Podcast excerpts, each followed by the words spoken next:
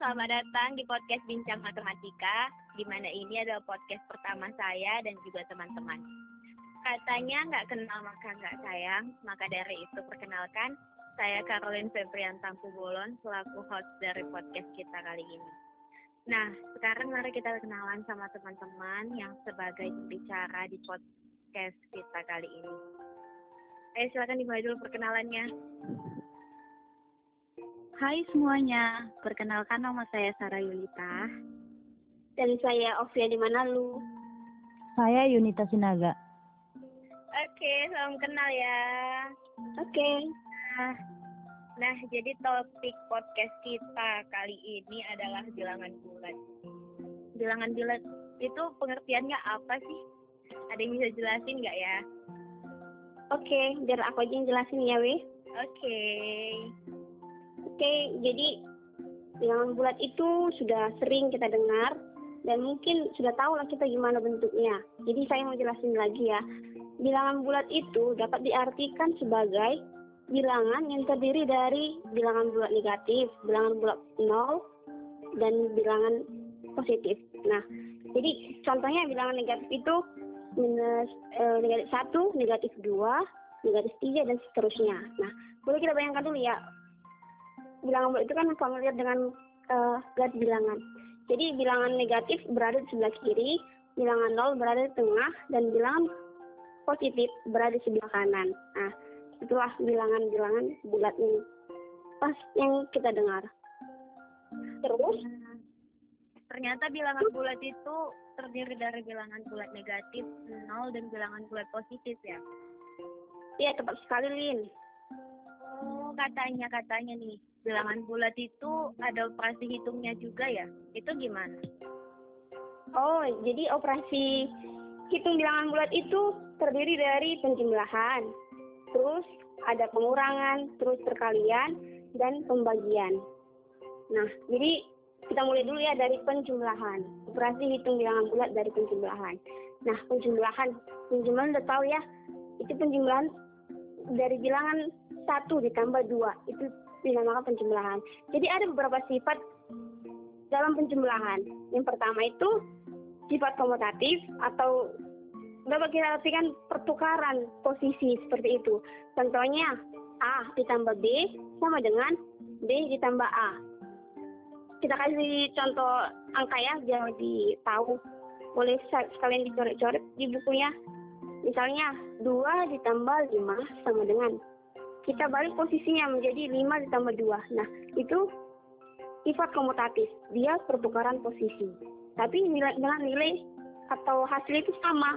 Sama-sama 7. Seperti itu. Lalu uh, sifat asosiatif. Ini sifat asosiatif ini pengelompokan. Misalnya A ditambah B dalam kurung A tambah B itu dalam kurung ya ditambah C sama dengan A ditambah dalam kurung B tambah C. Nah, kita masukkan angka ya biar lebih tahu. Pasti hasilnya sama juga gitu. Jadi misalnya 4 ditambah 7 dalam kurung ditambahkan 2. Sama dengan 4 ditambah dalam kurung 7 tambah 2. Itu sama-sama hasilnya 4 ditambah 7 tambah 2 9. 9 tambah 4 berapa? E, eh, 13 ya. Jadi itu sama hasilnya. Inilah sifat pengelompokan atau asosiatif. Lalu ada lagi nih sifat identitas. Identitas itu bilangan berapapun misalnya satu ditambah nol dia akan menghasilkannya diri dia sendiri lagi. Kan satu tambah nol sama dengan tetap satu. Itu. Lalu yang satu lagi ya sifat tertutup. Misalnya tiga tambah delapan sama dengan sebelas. Itu sifat tertutup ini adalah artinya menjumlahkan yang menghasilkan bilangan bulat. Jadi dia langsung menghasilkan bilangan bulat 3 tambah 8 sama dengan 11 seperti itu. Kira-kira gimana bisa dipahami? Oh, jadi begitu. Hmm, jadi mungkin nggak susah ya, udah sering ya kita kita ini kan. Iya sih, udah sering kita dengar juga ya. Uh, tapi kan, iya. kan Kak, Kak Ovi, tapi kan uh, ada beberapa gitu kan media-medianya biar kita bisa lebih kenal lagi sifat-sifat itu gitu loh kak yang misalnya kayak uh, kancing-kancing gitu melalui garis bilangan itu bisa kali ya kak dijelasin Oh iya, boleh. Jadi misalnya seperti manik-manik ya, itu maksudnya ya kan, Lin? Iya tuh yang manik-manik. Uh, hmm, misalnya manik-manik ini ada itu sama juga ya. Cuma dia kita buat sebagai media misalnya kita buat manik-manik misalnya kita buat alis dua terus kita buat penjumlahan kita gambar ya manik-maniknya itu gitu. Ditambahkan tiga seperti itu. Jadi sama dengan hasilnya lima gitu. Jadi dia biar lebih paham aja gitu. Karena kan kalau kita masukkan ke dalam uh, buat media atau kita buat supaya lebih paham gitu kan ketika kita menjelaskan dengan orang lain mungkin bisa cara seperti itu. Jadi hitung ini ini tambah ini berapa tinggal masukin tinggal tambahin seperti itu. Nah jadi di bilangan bulat itu mungkin bisa lah kita simpulkan kalau dalam garis bilangan itu semakin ke kiri nilainya semakin kecil. Lalu jika dia semakin uh, ke arah sebelah kanan uh, nilainya menjadi lebih besar. Dan di tengah-tengah itu adalah bilangan nol. Nah gitulah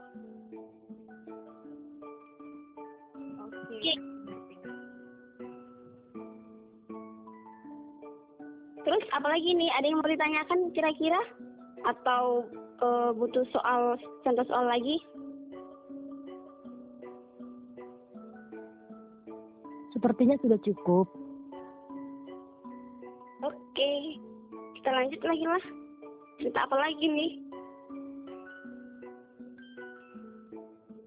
Oke, tadi kan sudah di penjumlahan. Nah, operasi pengurangan pada bilangan bulat itu sebenarnya gini gampang aja. Kalau menurut saya ada dua kata kuncinya. Kalau misalnya bilangan bulat terbesar dikurang dengan bilangan bulat terkecil akan menghasilkan bilangan bulat positif.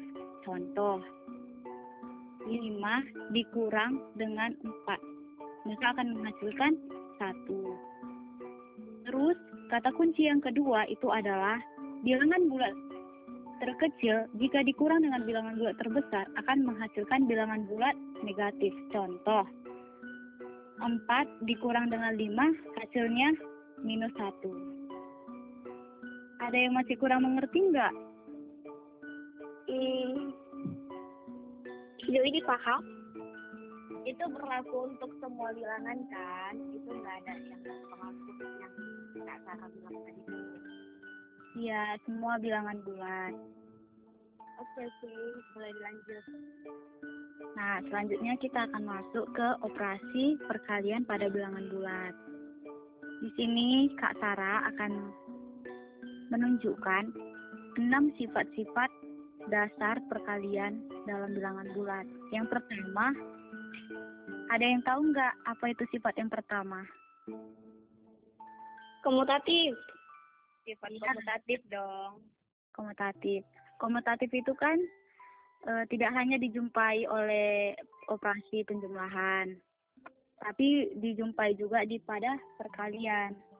Nah, komutatif pada perkalian sama aja dengan kayak operasi penjumlahan pada bilangan bulat. Namun bedanya dia operasinya aja. Nah, bentuknya itu P dikali Q sama dengan Q dikali P. Contoh, 4 dikali 5 sama dengan 5 dikali 4. Kan sama-sama menghasilkan 20. Nah, iya. sifat yang kedua itu asosiatif. Bentuknya buka kurung P dikali Q tutup kurung kali R sama dengan P dikali buka kurung Q dikali R tutup kurung. Contoh, buka kurung 4 dikali 5 tutup kurung dikali R-nya kita misal kalah 2 jadi sama dengan 4 dikali buka kurung 5 dikali 2. Kan sama-sama menghasilkan 40. Ya enggak? Iya. Iya, benar benar benar. Selanjutnya ada sifat tertutup. Bentuknya itu buka kurung P dikali Q. Seperti yang sudah dijelaskan Kakak Ovi tadi di operasi penyembelahan, itu sifat sifat tertutup maksudnya dia akan menghasilkan bilangan bulat. Hmm. Selanjutnya sifat yang keempat ada apa? Yo. Ada unsur identitas. Nah kan, pada lupa semuanya. Iya. Unsur identitas itu dikatakan jika P dikali 1 akan menghasilkan 1 dikali P atau sama dengan menghasilkan bilangan itu sendiri. Contohnya nih Kak Sarah. Contohnya, 4 dikali 1 berapa yuk? Empat. Empat. Nah, 4 itu dinamakan unsur identitas karena dia setiap bilangan bulat yang akan dikalikan dengan satu akan menghasilkan bilangan itu sendiri. Terus, sifat yang kelima, ada perkalian dengan nol. Nah, kalau perkalian nol ini, setiap bilangan bulat yang dikalikan dengan nol akan menghasilkan nol. Terus sifat yang keenam ada sifat distributif.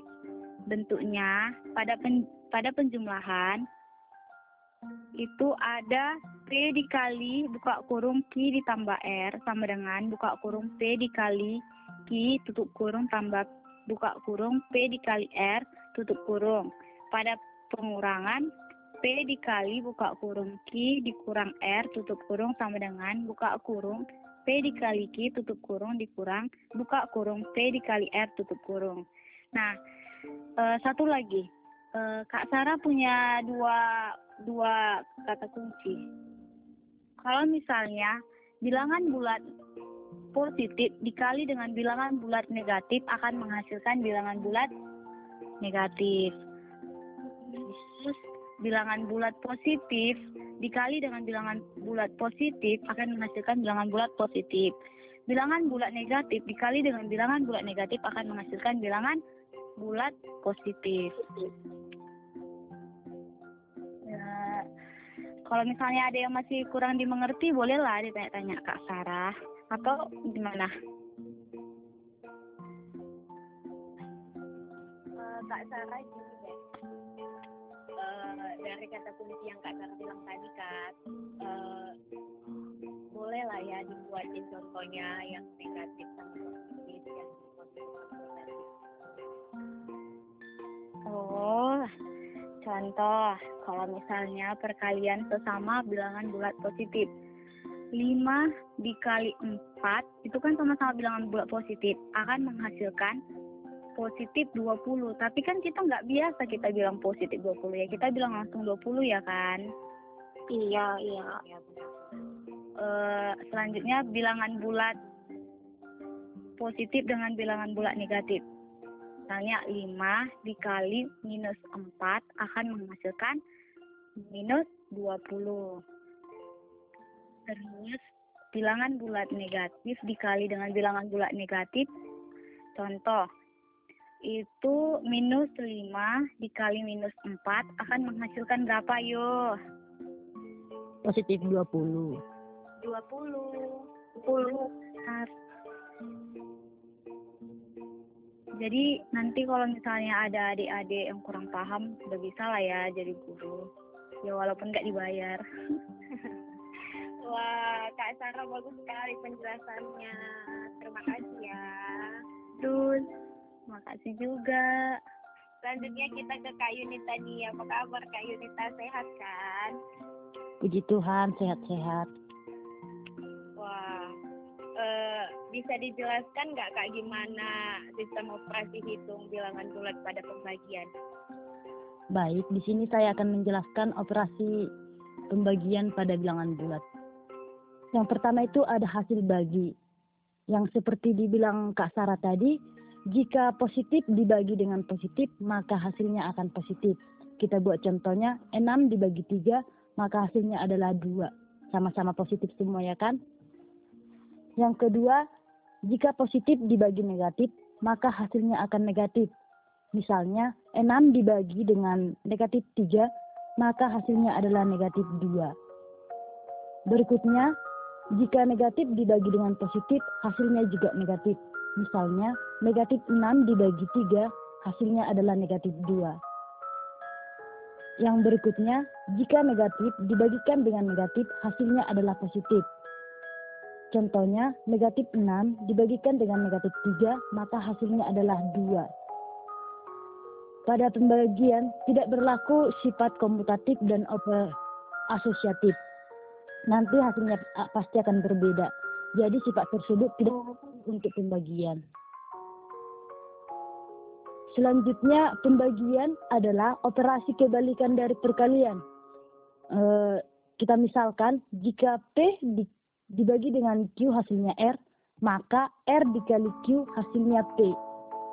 Kita buat contohnya, jika 8 dibagi 2 hasilnya 4, maka 4 dikali 2 adalah 8. Kira-kira lah seperti itulah pem, pembagian pada bilangan bulat. Wah, terima kasih Kak Yunita penjelasannya. Ya, sama-sama. Uh, jadi bilangan bulat itu konsepnya sebenarnya sudah cukup umum ya buat kita ya. Iya dong. Cuma uh, apa namanya? Pemahaman konsepnya itu kadang disalahgunakan, ya enggak sih? Iya, kayak gitu. sekarang kita tanya nih ke pendengar kita pembahasan kita di podcast pertama ini cukup menarik ya kan uh, sebelum kita sampai di ujung podcast kita kita dengar dulu nih kesimpulan pada podcast kita yang pertama ini. Boleh ya disimpulinnya baik saya akan menyimpulkan hasil pembincangan podcast kita pada kali ini Bilangan merupakan suatu konsep dalam matematika yang digunakan untuk melakukan pencacahan dan pengukuran. Bilangan bulat merupakan suatu bilangan pecahan yang terdiri dari bilangan bulat positif, nol, dan bilangan bulat negatif. Bilangan bulat dapat dikelompokkan dalam beberapa bagian, yaitu bilangan bulat positif yang terdiri dari 1, 2, 3, 4, dan seterusnya. Bilangan nol yang terdiri dari hanya angka nol saja, dan bilangan bulat negatif yaitu negatif 1, negatif 2, negatif 3, dan seterusnya. Operasi sederhana dalam bilangan bulat meliputi operasi penjumlahan, pengurangan, perkalian, dan pembagian.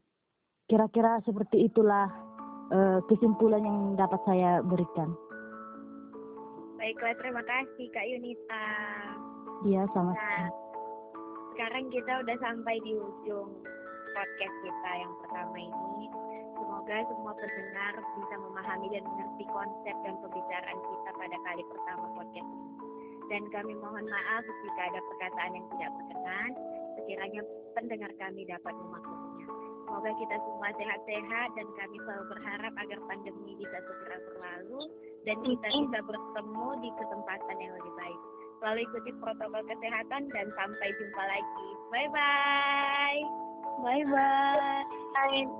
Dan terima kasih ya. Iya. Selamat menikmati podcast.